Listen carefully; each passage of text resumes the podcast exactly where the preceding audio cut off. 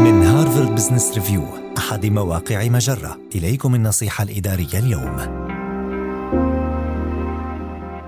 خطة أكثر مرونة لمستقبلك. بات وضع خطط طويلة الأجل أصعب من أي وقت مضى في ظل كل هذا الغموض الذي يكتنف جائحة فيروس كورونا المستجد. لكن لابد في الوقت نفسه من التخطيط، لأنه أحد أفضل الطرق لتقليل التوتر والقلق بشأن المستقبل ويمكن حل هذه المعضلة من خلال التخطيط الجزئي أي تقسيم رؤيتك إلى أجزاء مصغرة يتألف التخطيط الجزئي من ستة عناصر رئيسية. أولاً الهدف.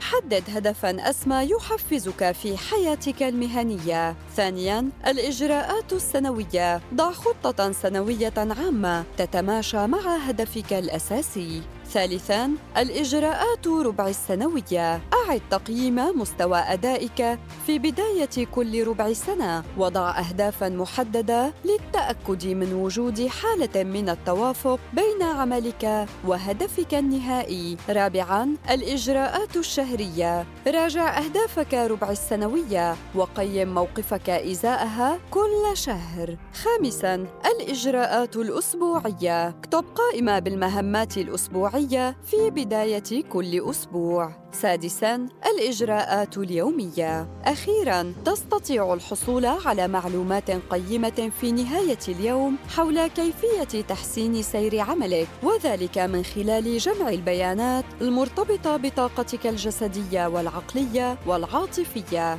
هذه النصيحة من مقال كيف تخطط لحياتك والمستقبل مشوب بالضبابية في أحسن الأحوال. النصيحة الإدارية تأتيكم من هارفارد بزنس ريفيو أحد مواقع مجرة مصدرك الأول لأفضل محتوى عربي على الإنترنت.